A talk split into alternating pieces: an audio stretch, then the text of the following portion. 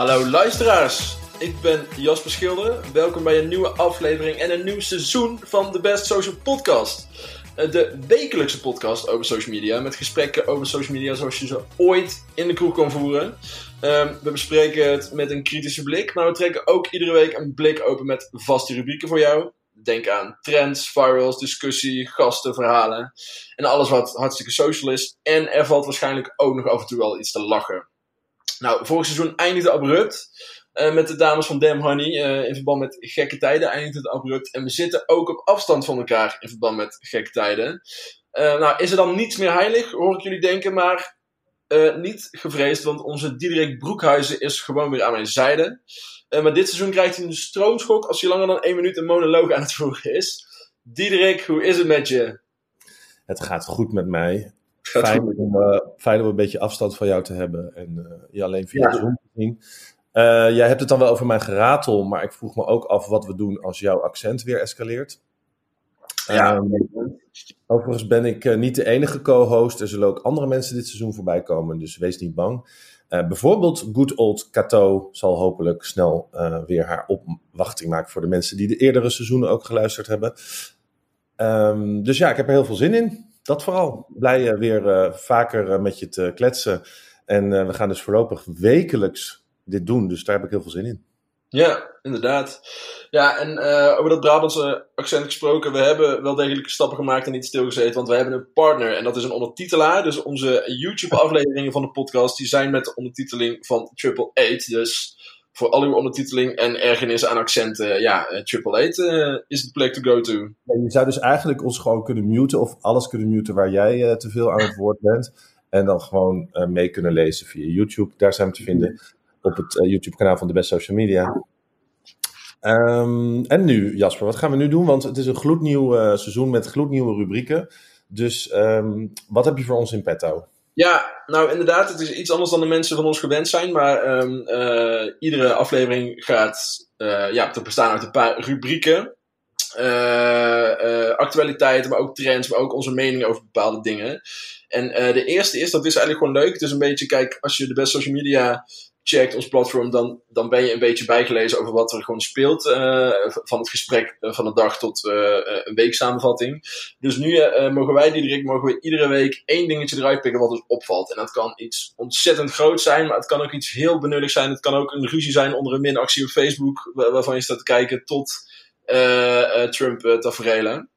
Ehm, en ik wil graag beginnen, ehm, als jij dat goed vindt.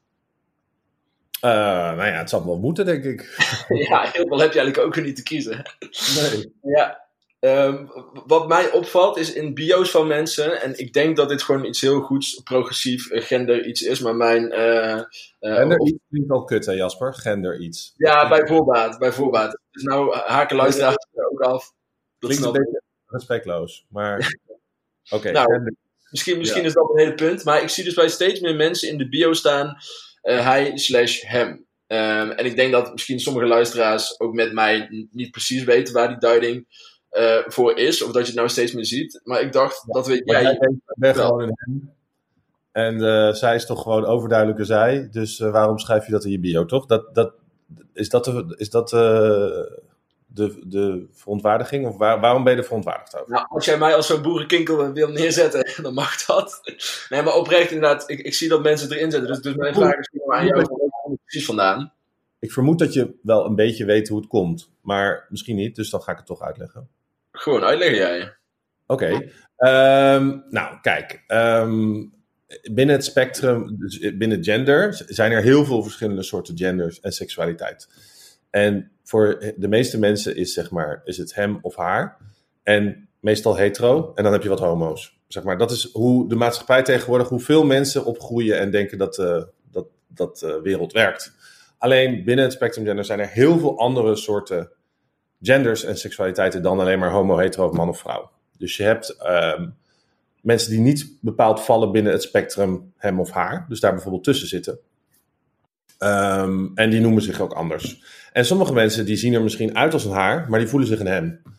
Ehm, en dat zijn niet aantallen eh, van hè, dat, dat iedereen zich zo voelt. Maar wat dus heel fijn is aan deze beweging van mensen die hun gender in hun, of hun aanspreekvorm in hun, ehm, bio zetten, is dat ze daarmee bewustzijn creëren dat het niet vanzelfsprekend is. Dus eigenlijk bij de mensen waarbij het zelfs vanzelfsprekend is, daarom is het ook best wel, zou het best wel nog tof zijn als jij het bijvoorbeeld doet. Want jij geeft daarmee aan, kijk, jij denkt misschien, ik ben een man, nou dat is zo, ik ben een man, maar dat is niet voor iedereen is dat zo? Er zijn mensen die eruit zien als een man, die misschien een vrouw zijn. Of die voor jou eruit zien als een man. Want wat is een man, wat is een vrouw? Hè? Daar kunnen we het ook nog wel over hebben.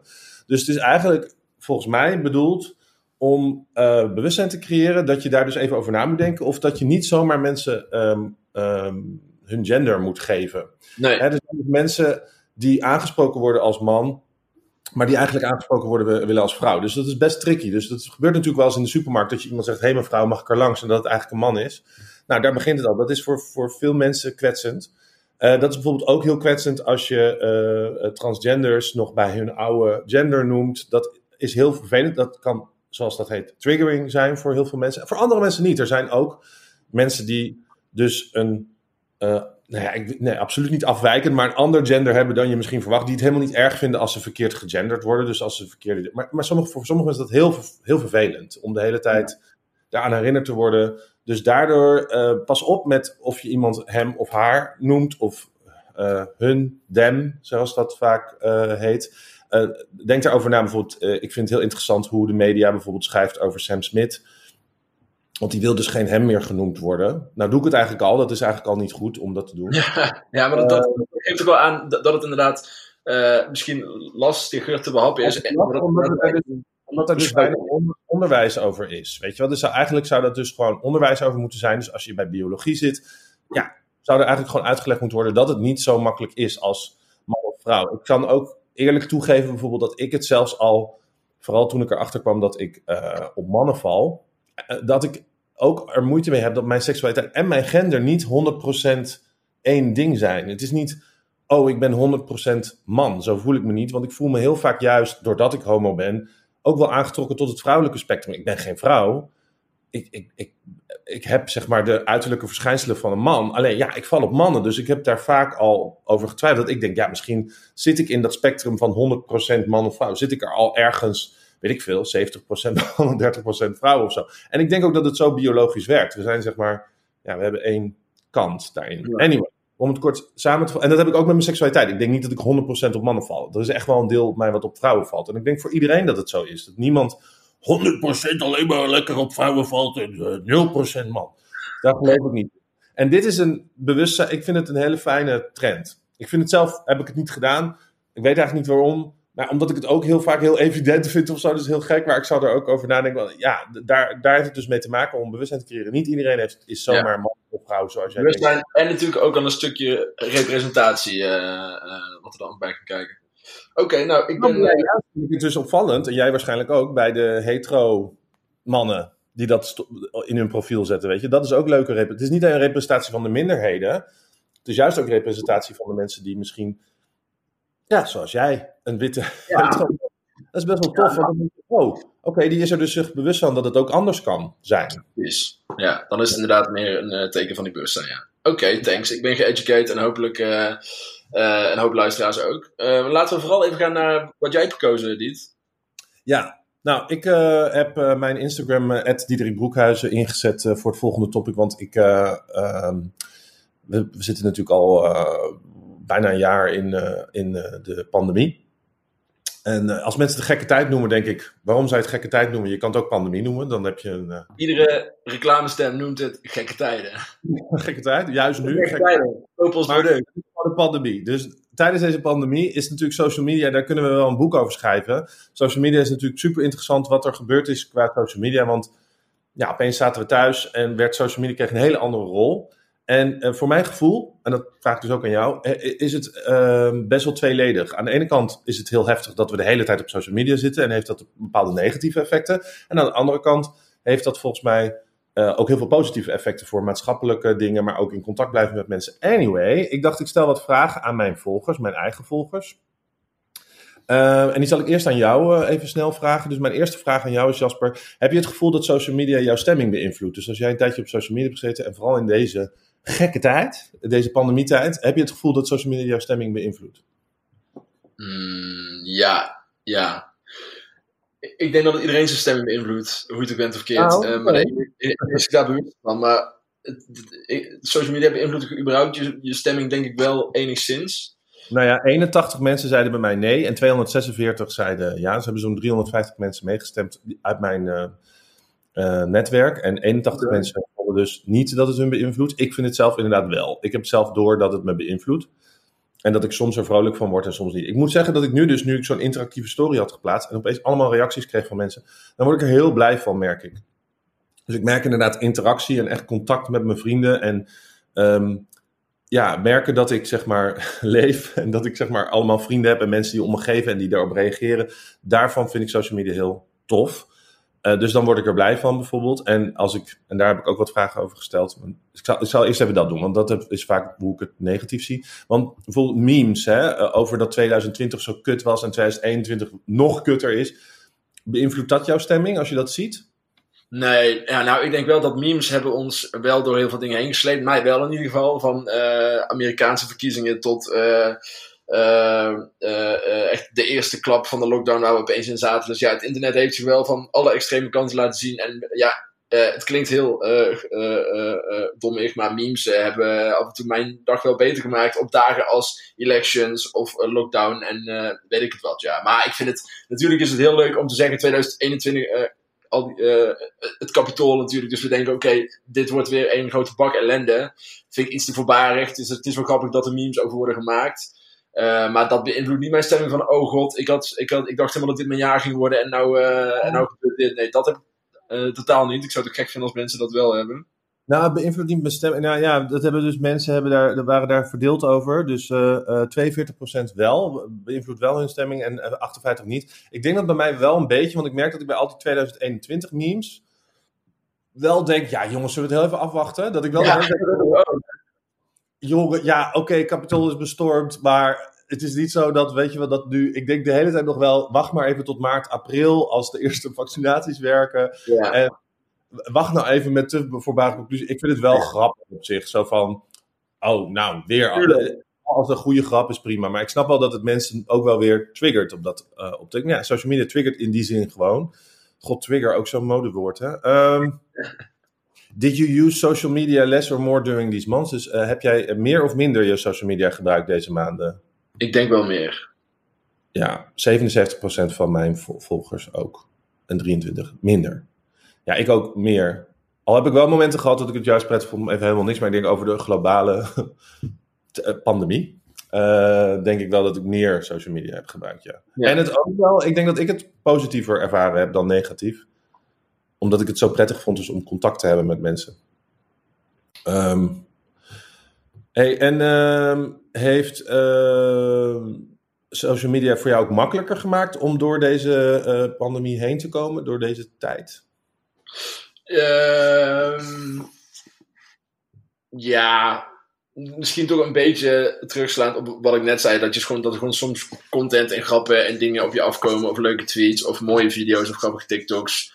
Um, maar het is niet zo, nou, uh, het heeft me er echt doorheen gesleept. Als in, ik had het echt nodig. Uh, alsof mijn, mijn mentale staat aan een zijde draadje hing. En social daar positief aan bijgewerkt. Ja, maar jij bent überhaupt natuurlijk best wel een positief mens, toch? Want ik heb ja, ook, denk ik wel. ook gedaan, hoe zou je je um, mentale gezondheid raten? Van zeg maar heel slecht naar goed, van 1 tot 5. Ja. En het kwam dus uit op het midden. En ik denk dat jij standaard wel iets meer richting goed, erg goed gaat. En ik zelf ook. Ik word vaak positief wakker. Ook in slechte tijden kan ik mezelf vaak wel opheffen. Maar ik schrok dus namelijk best wel. Ik heb dus uh, ook meer dan 300 mensen die hun moed, zeg maar hun, hun stemming hadden ja? gedeeld met mij. En er waren echt wel veel, veel mensen die in het midden of uh, richting huilen zelfs. Ik had een huil-emoji als eerste ja? optie. Ja, dus heb ik ook een berichtje gestuurd van... Hey, kus of knuffel, of ik hoop dat het goed met je gaat. Um, ja, ik denk dat sommige mensen het toch wel echt heel, uh, heel zwaar hebben ja. deze tijd. En dat je je daar wel bewust van moet zijn. En wat, ja. ik, vaak, wat ik vaak teruggeef, want ik heb daarna nog een vraagsticker gedaan en dan zal ik erover ophouden, want anders uh, dan komen we niet door alle rubrieken heen. Maar um, ik had ook gevraagd van wat zijn nou de meest positieve en meest negatieve effecten. En positief vindt iedereen dus lachen, connectie, met mensen omgaan, uh, heel fijn, ja, verbinding. En ik heb nieuwe dingen ontdekt en ik heb nieuwe dingen geleerd. En ik heb social injustices, zeg maar, daarover geleerd. Black Lives Matter. misschien ook over de hele genderdiscussie was vorig jaar natuurlijk ook heel fijn dat dat zo opblies. en dat daar heel veel mensen heel veel geleerd hebben. En de negatieve kant vinden heel veel mensen dus, ja, andere mensen. dus zeg maar, hoe, hoe kut andere mensen zijn. Ja. en dat ze dat best wel pittig vinden, zeg maar, om, om uh, geconfronteerd te worden met, met, met mensen die, die ze kut vinden.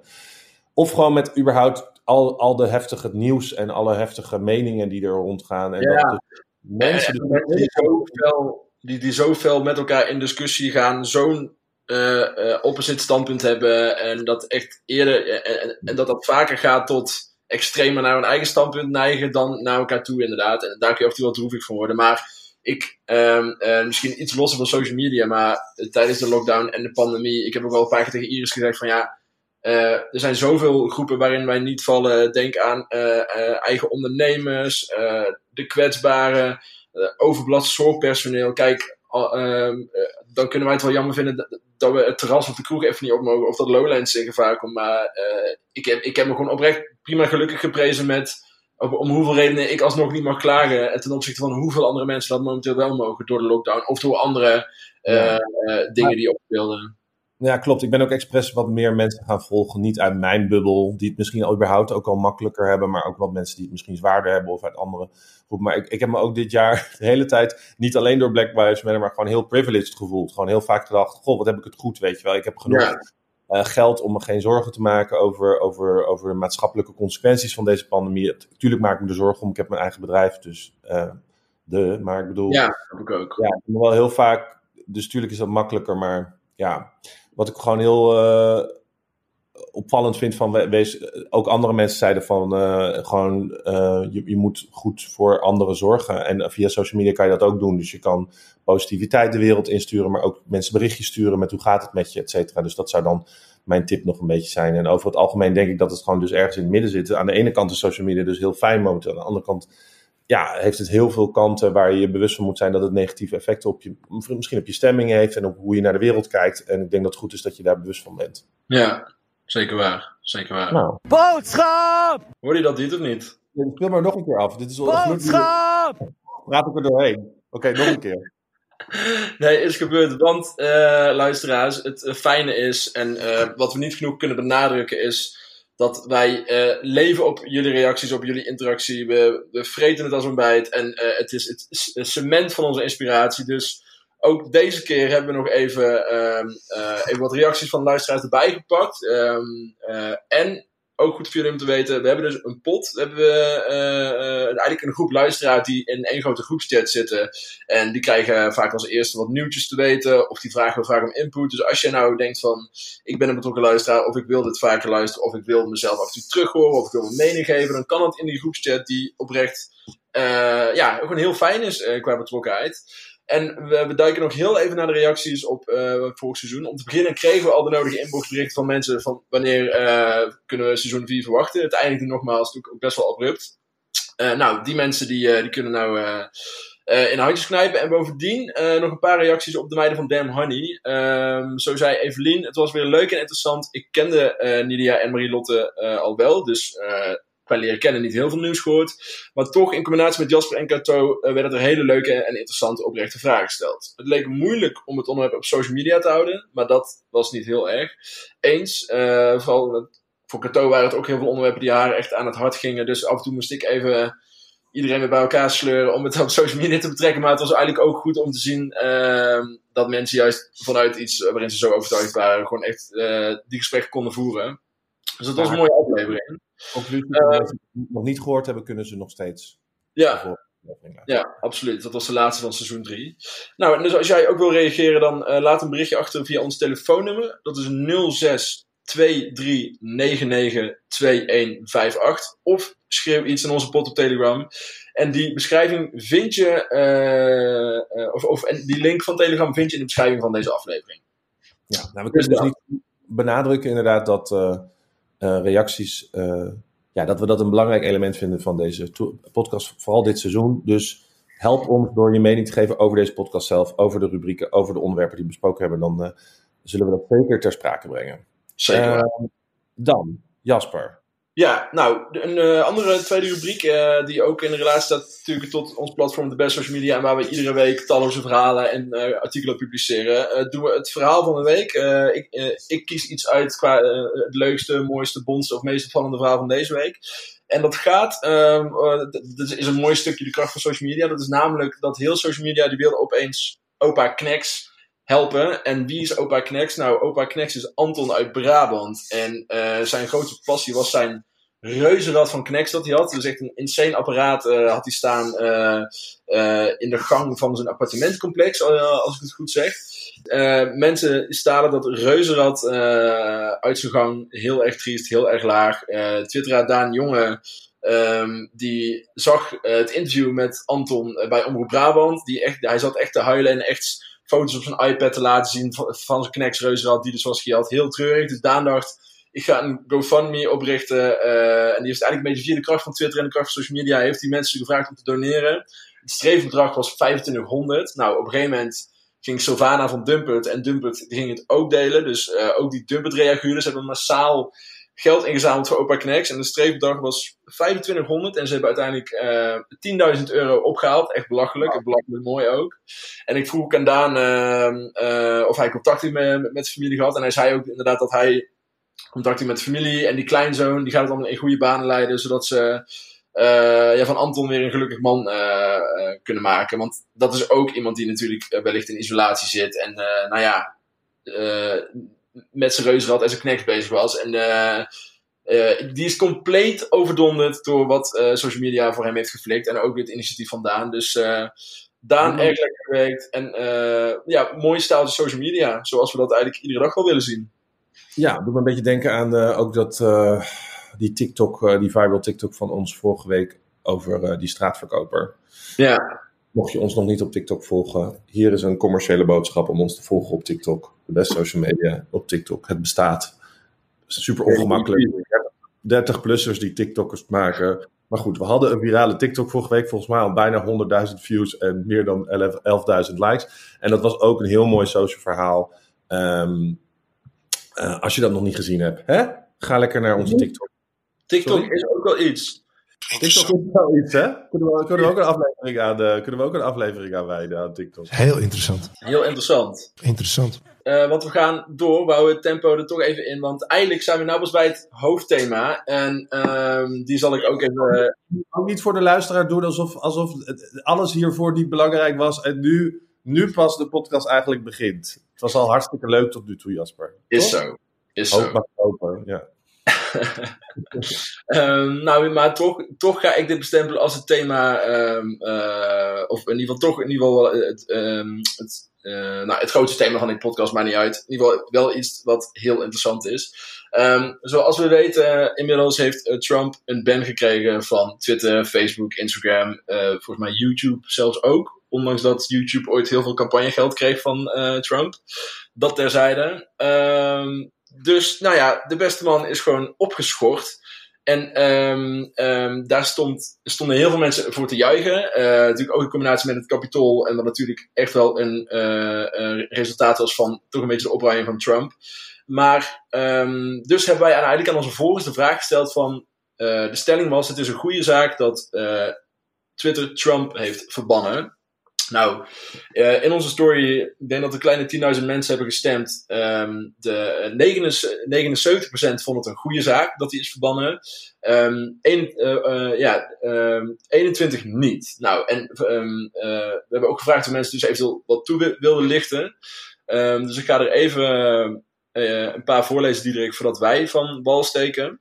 Ja. om te beginnen de reactie van Lars. Lars zegt, slechte zaak. Trump en aanhang zullen gebruik maken van andere platforms, vaak platforms waar al helemaal weinig tot niks gecensureerd wordt. Dat leidt tot nog meer polarisatie en haat richting de tegenstander. Daarnaast is Trump, of je het wil of niet, een belangrijke man die in ieder geval tot 20 januari een van de machtigste mensen van deze aarde is. Hem censureren zorgt ervoor dat het volk minder goed weet wat hij doet of wil doen. Wat als de NMS besluit geen persconferenties meer uit te zenden? Het is een recht, maar het is verkeerde censuur. Dan ga ik nog even door naar uh, Linda. Linda zegt: Ik walg van Trump, maar we, willen, maar we willen leven in een democratie. Dat betekent dat iedereen zijn mening mag hebben en nu beperk je iemand erin omdat hij niet aan bepaalde normen voldoet. Dan eindigen we met Raksha. Want die zegt, nou, mensen die altijd blaten over, over, over vrijheid van meningsuiting zijn typische gevalletjes van de klok horen luiden, maar niet weten waar de klepel hangt. Vrijheid van meningsuiting is niet onbeperkt. Oproepen tot haat, opruiing, racisme, etc. zijn voorbeelden van uitingen die in strijd zijn met de wet. Ze zijn letterlijk strafbaar gesteld. Wat betreft private bedrijven die een privépersoon weten of weren van een platform, is de verontwaardiging nog maar een bevestiging van de onwetendheid en stupiditeit van mensen. Als private onderneming mag je zelf regels opstellen voor jouw gebruiker. Houden ze zich er niet aan, dan mag je ze toegang tot je dienst ontzeggen. Mensen moeten echt begrijpen dat vrijheid van meningsuiting in de eerste plaats geldt ten opzichte van de, van de overheid. Die mag burgers en de pers niet censureren. Nou, Diet, um, waar zou jij op stemmen? Uh, ja, uh, zo. Ik heb, ik heb niet gestemd, inderdaad. Ja, ik neig wel naar ja, maar ik neig ook wel naar nee. Uh, vind het namelijk ja, ik vind het wel goed dat er ergens een streep wordt getrokken. Maar ik denk dat die lijn of die streep wel ergens anders had mogen getrokken worden. Of ik had hem misschien zelf al eerder getrokken. En ik denk wel dat de kritiek terecht. Oh jezus. terecht is dat. Uh, uh, ja, dan moet je ook wel misschien andere mensen gaan bannen. Die wel veel ergere. Nou ja, die zijn niet zo impactvol natuurlijk als Trump. Maar waar trek je dan de lijn? Hè? Maar aan de andere kant denk ik dat Twitter gewoon lekker doen waar, mag doen waar ze zin in hebben. Daar ben ik het heel erg mee eens. Zo van, Twitter is niet een overheid, Twitter is niet een politieke partij. Twitter is gewoon een, eigen bedrijf die lekker zelf moeten bepalen waar ze zin in hebben. En ik denk dat het goed is dat we überhaupt nu, gezien de, um, de situatie ergens, dat, we de, dat er een grens wordt getrokken. Um, maar dus ik neig naar ja. Uh, ja.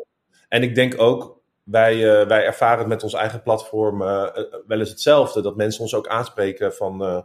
Jij zal het als eindredacteur van de Best Social Media veel meekrijgen. Dat mensen ons een soort van... hey, dit mag je niet schrijven, of dit mag je niet zeggen, of dit mag je niet doen, of dit moet je schrijven. Of. En dat ik denk, nou, jij betaalt onze salarissen niet, of onze advertentieinkomsten. Wij worden nul gesubsidieerd. Um, nou ja, trouwens nul. We hebben wel NOE zelfs dit jaar moeten aanvragen. Dus nee, sorry. Uh, ik bepaal echt even lekker zelf wel waar ik over schrijf. Ik weet niet hoe jij dat ziet. Dus ik denk dat ik in die zin Twitter op dat gebied vooral heel erg snap. Dat ze lekker zelf moeten doen waar ze zin in hebben. Ja, en, um, ja, ja maar kijk, inderdaad, wat. Uh, want als mensen die halen dus uh, vrijheid van meningsuiting aan. En dat is natuurlijk helemaal prima en begrijpelijk. En dat is ook een belangrijk en groot goed. Maar als Trump eh, het is niet zijn mening. Hij is gewoon letterlijk valse waarheden aan het verkondigen. Uh, valse feiten de wereld aan het uh, inslingeren. Over die elections dus. En daardoor loopt het best wel loopt bepaald massagedrag door. Hij heeft 88 miljoen volgers. En die volgers die zijn echt heel veel bereid te doen voor Trump, wat duidelijk is. Dus het is wel echt helemaal uit de klauwen geëscaleerd. En niet alleen niet omdat hij zijn mening loopt te verkondigen, maar omdat hij ook gewoon echt uh, dingen verspreidt alsof het waarheden zijn, terwijl dat niet waar is. En het is gewoon godsgruwelijk gevaarlijk wat hij dan doet en wat hij dus ook eigenlijk uh, uh, daarmee veroorzaakt. Dus daarom stem ik ook van ja, ik snap dat Twitter hier absoluut een, een lijn trekt, maar het is inderdaad wel een andere discussie van hoe voelen we ons erover dat de grote techbedrijven nu wel deze macht hebben. Want Trump is ongeveer de machtigste man, uh, nou sowieso de machtigste man van Amerika. En ook op de wereld staat hij op een aardig podium. Maar die big tech, die, uh, die, die, ja, die, die verbannen wel even uh, een van de machtigste mannen ter wereld. Dus het is wel een discussie ja. hoe, hoe we het vinden dat dat nou gebeurt. Ik vind het dus ergens ook wel goed dat mensen zich realiseren dat de big tech bedrijven niet staatsbedrijven zijn of landen of deelnemen in de Europese Unie of in de, in de NAVO. Dat, ja, zij hebben lekker hun eigen belang en daar uh, geven, we geven hun misschien überhaupt te veel macht. Wij bijvoorbeeld zelf als bedrijf zijn ook veel te afhankelijk van Facebook, van Instagram. Wij hebben uh, recentelijk een, um, een plaatje gepost in, uh, in Duitsland op ons blog, waar het woord Hitler in voorkwam. En dan krijg je dus meteen een ban. niet een ban, maar krijg je meteen een soort penalty, waardoor uh, je geen monetization meer mag doen, waardoor je bereik wordt afgekneld, waardoor je bereik op Instagram wordt afgekneld. Ons hele bedrijf heeft daar zeg maar acht maanden lang, uh, voelt daar de consequenties van. Ja. Dan denk je aan de ene kant, ja, dat mogen ze niet doen en uh, hoe durven ze. By the way, dat woord Hitler, dat had verder niks met het artikel te maken of er was geen... Het wordt dan gesignaleerd als zeg maar zijnde... aanstootgevend. Of zeg maar verheerlijking van een uh, ja. uh, haatdragend persoon. Ja. Uh, terwijl ja, het, het, ging over een woordgrap, zeg maar, die in die zin voorkwam. En aan de andere, dus dan denk ik, ja, hoe kun je? En uh, dan zit dat iemand een botje of een AI-botje in San Francisco, bepaalt dat dan en geeft je een straf en je kan niet meer terugdraaien. En het is best wel lastig om daar dus met Facebook over in gesprek te gaan. Dat doen we wel, maar nou, het is heel complex. En aan de andere kant denk ik, ja, buiten het feit omdat ik het niet met ze eens ben, ja, het, het, ja, het is, wij geven nou eenmaal al die macht aan hun. Ja. En dat zij moeten er zelf van zijn. Dat is ook een beetje onze eigen schuld. Kijk, daarom ben ik ook zo blij dat wij bijvoorbeeld nog een eigen website hebben die in mijn eigen beheer zit, mijn URL. Ja. Mijn en dat ik die zelf heb. En dat is van mij. En dat doe ik toch echt lekker zelf waar ik zelf zin in heb. Maar op die plekken zoals TikTok, Instagram, Facebook, waar we ook dus al dat bereik binnenhalen, ook geld mee verdienen. Ja, dan moet je je goed beseffen dat je wel moet samenwerken met een andere partij. Wat niet de, de USA is, of China, of Nee. Nederland, of een politieke partij, VVD. Nee, dat is gewoon een bedrijf. Dus die doen lekker waar ze zelf zin in hebben. En als, als je je daar niet bewust van bent, of hun heel erg de schuld van alles gaat geven, dan denk ik ja. Je moet ook de schuld een beetje bij jezelf neerleggen. Ik voel me wel schuldig, ook naar jullie, naar mijn collega's, dat ik denk, ja, we leggen ook te veel eh, van ons leven in de handen van die big tech bedrijven. Dat doen we ook een beetje zelf. Je accepteert zelf de voorwaarden, je gaat zelf zitten twitteren, je gaat zelf zitten Facebook. Oh, ik upload al mijn vakantiealbum op Facebook. Goh, wat vervelend dat zij al mijn foto's hebben. Ja, eh, je hebt het zelf geüpload. En ze hebben er nog nooit voor hoeven betalen ook. Nee. Dus dat is een heel goed bewustzijn de komende jaren, denk ik, dat we onafhankelijker, dat we mentale afstand daarvan nemen. En dat je dus goed beseft wat je post, waarom je post. Eh, en dat die social media platformen niet een afspiegeling zijn van je leven of zeg maar, ehm, ja, hoe zeg ik dat goed? Ehm, dat je moet, of dat je moet delen of er moet gebruik van ma- maken. En dat zij dus moeten doen wat jij wil. Nee, het is gewoon net zoals met Ziggo of weet ik bepaalde regels ook. Ja. Het is een bedrijf. En Maar, maar dat is voor de luisteraar misschien ook wel interessant inderdaad om te weten. Want eh, ehm, wij eh, houden echt qua woordgebruik in eh, eh, artikelen en titels... houden we heel veel rekening met woorden die inderdaad niet door de beugel kunnen op Facebook... en die daarom eventueel de monetization aan kunnen passen. Dus soms, als, er, als er soms het woord piemel in een header staat door een grappige tweet... bijvoorbeeld laatst was er een artikel over een moeder die moest een beetje lachen... want haar dochter had straf gekregen omdat ze piemels tekende op school. Nou, die tweet ging best wel viral. En wij hadden die tweet in de hoofdafbeelding van eh, ons artikel. En eh, het woord piemel daarin hadden we geblurred. En iemand reageerde echt, Jezus Christus, wat een onzin. Er moet nou echt het woord piemel geblurred worden. Wat een onzin. Hahaha. En ik denk van, ja, lieve schat, daar, eh, ik, ik, ik voel je. Maar Facebook is een preutse meid. En wij moeten daar gewoon rekening mee houden. Dus wij blurren het woord piemel deels in onze header. Eh, ja, Ja. is zo. Ja, het doet mij echt persoonlijk als ondernemer ook echt wel pijn, dit soort dingen. Dat ik, dat dus, dat ik me daaraan moet eh, committeren. En aan de ene kant hoef ik dat niet te doen. Wij hoeven dus niet dat artikel op Facebook te posten. Wij kunnen dat artikel ook gewoon op onze website laten en lekker over piemels praten en weet ik veel wat allemaal. Ehm, maar ja, dan krijg je weer dat misschien Google hun advertenties van onze website af gaat halen. Ja. Of dat En ook om minder verkeer. in, Nederland en in Duitsland samen met ehm, adverteerders. Die misschien zullen zeggen, dus dat is weer allemaal aan commercie verbonden. Dus in die zin, nou ja, dan kan ik nog steeds zelf bepalen, oké, dan rot je maar op en dan geef je ons geen geld.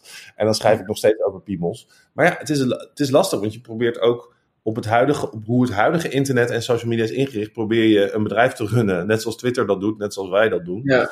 En dan ben ik blij dat we deze podcast hebben, dat we heel vaak piemels kunnen zeggen. En dat hopelijk, hopelijk eh, Spotify en iTunes en dag en nacht niet ons een berichtje gaan sturen. Dat je kan echt niet meer over piemels praten hoor. Dat was te veel.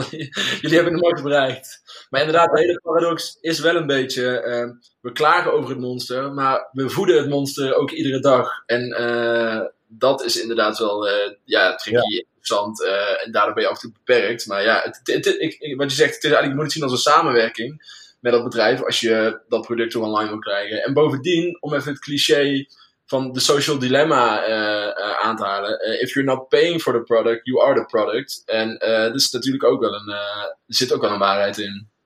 Elke keer als mensen mij daarover vragen ook, van wat is je mening over de social dilemma en wat vond je van de social dilemma? Eh, nou, daar zal ik niet over beginnen, want dan zijn we nog wel tijd bij. Maar, maar zou ik één ding wat ik dan wel altijd meegeef is van, ik denk dat één ding er heel goed aan is, is dat hoe meer bewustzijn over de rol van social in ons leven en hoe meer we daar ehm, onszelf over ehm, ehm, onderwijzen en vooral anderen en de toekomst en de jeugd, hoe beter. Dus kijk lekker de social dilemma, trek je conclusies. Eh, wees er niet te zuur over of verbaasd, want dan denk ik, waar heb je gezeten de afgelopen jaren? Maar vooral neem het mee in je toekomstige beslissingen over je bedrijfsvoering, over je persoonlijke leven, over je eigen social media en vooral over je kinderen, over iedereen. Denk erover na wat voor rol social media speelt en hoe je daarmee omgaat. Het is alleen maar goed om je bewust te zijn inderdaad van het feit dat het big tech bedrijven zijn die geld moeten verdienen. Ehm, dus Ja. ja. Maar en denk jij dat eh, de overheid nou even moet aankloppen bij Twitter van... eh hey, we moeten misschien even kijken of, of, of jullie deze vrijheid zomaar mogen hebben of, of deze acties. Zeg maar, want inderdaad, ja, Nou, de invloed van big tech versus de invloed van de overheid, dat is, eh, ja... Zou de over, ja, ik, ja, denk jij van, oké, er moet wel even een vervolgstap komen na deze de Trump-ban? Ja, wa- wa- wat zouden wij ervan vinden als de overheid ons belde? Hey, kunnen jullie alsjeblieft niet meer over piemel schrijven? Ja, ik weet het niet, maar ik denk wel dat er een samenwerking mogelijk is. Om in ieder geval met elkaar te kijken van hoe kunnen we samen een betere maatschappij creëren. Eén ding waar ik heel erg toch de laatste tijd meer en meer voor pleit, is toch om dat je geen anonieme accounts meer kan aanmaken. En, en gelukkig op Facebook is dat moeilijker geworden. En dat merk je ook wel, vind ik. Ehm, maar op Twitter is het veel te makkelijk. En, ehm, en zou je eigenlijk bijna een soort van, ja, toch misschien crypted met je paspoort-ID of zo, als dat het matcht met de overheid. Dat is natuurlijk heel gevaarlijk, want dan gaan we wel data Ja. weggeven. Ik denk bijna van, er moet bijna een systeem komen dat zonder dat je daarmee je acties op social media getracked kunnen worden, dat je wel een soort van met DigiD-achtige inlog een account moet aanmaken op die profielen. Want het- het- we hebben het zo vaak, ook bij, ehm, op social media en ook op ons platform, zo vaak over haatdragende, really shocking dingen Ja. die er op social media gebeuren. En dat gebeurt bijna altijd door anonieme accounts. En Ja. ik vraag me heel vaak af, ik zag bijvoorbeeld een berichtje over, ehm, nou ja, over een school die dan nog open was, waar mensen bijles kregen om hun examens te halen. En dan, eh, dat waren een paar mensen van, eh, een paar kinderen van kleur. En dan, nou echt, die reacties eronder waren echt van, nou, zo racistisch, maar echt zo naar. En dat gaat dan helemaal viral. En als je goed op die accounts kijkt en goed naar die accounts klikt, zijn het allemaal, allemaal fucking anonieme die dat zeggen. Ja. Ik denk dat we veel minder haat en negativiteit zouden voelen op social media en veel minder eh, eh, ons de hele tijd boos zouden maken om Twitter, om Facebook, als, dat, als die mensen daar niet de kans zouden kunnen krijgen. Dus net zoals een normale maatschappij loop je ook niet op straat naar iemand toe en zeg je, hey met je bek en la la la la. Dat doe je niet, want Nee. je bent echt tegenover elkaar met je echte persoon. En daar krijg je de consequenties gewoon van te horen en te, te voelen en te zien later. Maar op social media kun je dat allemaal maar doen. Daarvan denk ik dat de overheid echt een keer moet ingrijpen. En, en ik weet dat het daarmee een soort van Big Brother is watching you kan worden. En dat dat best wel tricky is. Dus er moet dan ook een soort super privacy omheen bedacht worden. Ja. Maar ik ben bijna. Nee, ik geloof niet dat ik het nog een heel goed idee vind dat wij anoniem Nee. op internet. Nou, op internet wel. Maar op social media, als je daar een account wil aanmaken, weet ik niet of ze het moeten toelaten. Nee. Volgens mij twitterde Sander Schimmelpenning daar eigenlijk precies ook over. Dat hij zei van oké, eh, dit is nou gebeurd. eh, prima, maar laat, laat de volgende st- stap zijn inderdaad het stoppen van anonieme accounts. En toen zei hij ook van ja, en het argument van de anonieme mensen van zoals ja, maar mijn werkgever kijkt ook mee en eh, die kunnen het allemaal naar je terugtraceren. Ja, misschien is dat wel precies een reden waarom, waarom dat anonieme moet stoppen inderdaad. En dan eh, als je inderdaad zo'n grote jongen bent of een mening hebt, verkondig hem lekker onder je, eh, onder je eigen foto. Maar inderdaad, maar er moet iets meer beschaving weer terugkomen inderdaad als die achterlijke trollen. ehm, eh, ja, want het is eigenlijk gewoon zo laf, niet normaal. Eh, maar inderdaad, als die gewoon een eind op zouden rotten. ehm, ik, ja, ik denk, behalve de trolls zelf, denk ik dat niemand. eh, ja, nou, ja, ik weet niet. Het zou goed opruimen, zou ik bijna willen zeggen. Maar ja, een stukje beschaving terug op social zou in dat opzicht niet verkeerd zijn. Exact. Oké. Nou, bedankt. Ik vind het, zou het heel leuk vinden om te horen van mensen die bijvoorbeeld ook bij een publisher werken of zelf content creator zijn, hoe zij hun verhouding tot big tech vinden en al die ehm, ja, censuur slash ehm, regeltjes omtrent monetization. Ik weet dat heel veel YouTubers, de, Alice Olstorn hoorde ik erover, eh, Bram de Wijs ook, bijvoorbeeld over dat gewoon sommige onderwerpen worden meteen afgekut qua monetization door YouTube, omdat het bijvoorbeeld over homo's gaat of over seks of Ja. dus ik kan me voorstellen dat er heel veel interessante verhalen zijn van content creators, maar ook van mensen die bij andere publishers werken. Van hoe laat jij, eh, ja, wat is jullie verhouding tot social media, tot, tot de big tech bedrijven? En ehm, ja, gewoon dit onderwerp ben ik wel best wel benieuwd of mensen daar nog input Ja. of Het reactie op hebben. het enige wat ook wel lastig af en toe voor ons is, is ehm, ehm, dat als we een penalty of we hebben iets overtreden, dan is het alsnog soms wel heel moeilijk om nou precies te traceren of aan Facebook te vragen van wat is het nou precies, waar lag het aan? Want sommige kunnen we achterhalen, maar soms is het toch ook best wel nog een beetje ongrijpbaar. En dan, dan voel je toch wel een hele grote afstand tussen dat bedrijf waar je eigenlijk ja, Ja. Je, je, je content op wilt delen. Maar ik raad iedereen aan om in ieder geval bij de platforms die je veel gebruikt, dus bijvoorbeeld Facebook, TikTok, Instagram, om in ieder geval heel goed je voorwaarden door te lezen.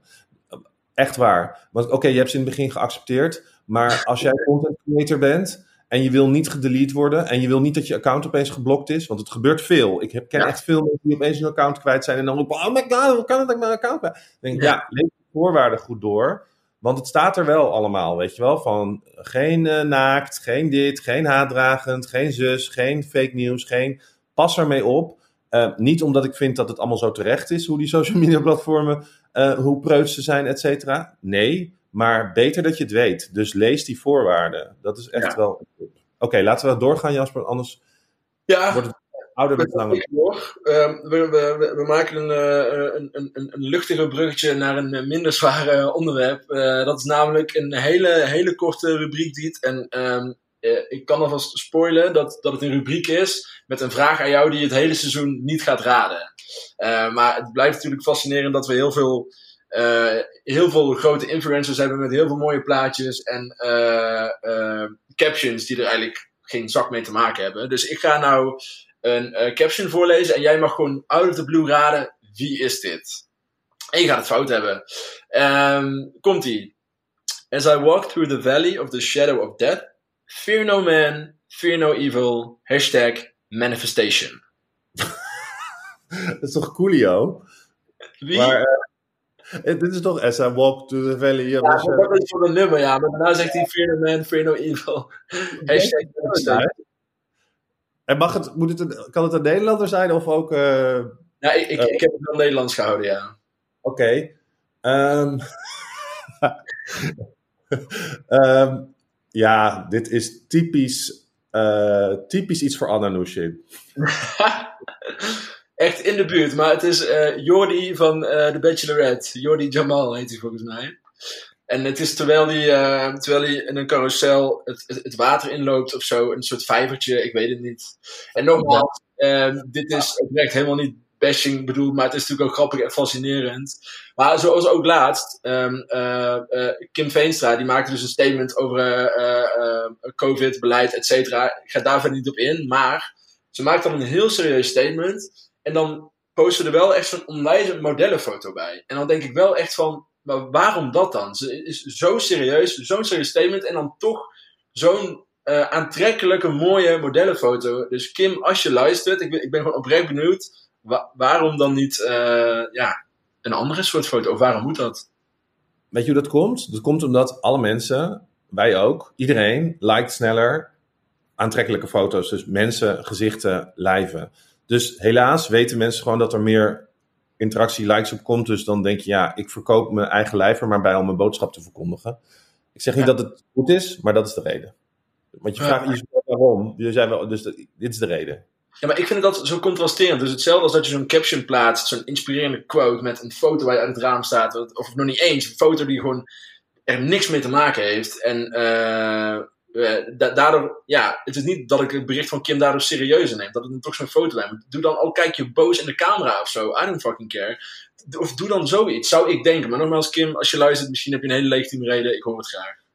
Maar Jasper, zullen we die captions niet te veel analyseren, want dit zou een korte rubriek zijn. Is waar. Klopt. Dus ik heb nog een eh, korte vraag voor jou. Ja. Eh, een dilemma. Je gaat Trumps TikTok-account runnen of je moet iedere dag seksbots verwijderen onder 50 grote accounts op Instagram. Even een keus. Nu.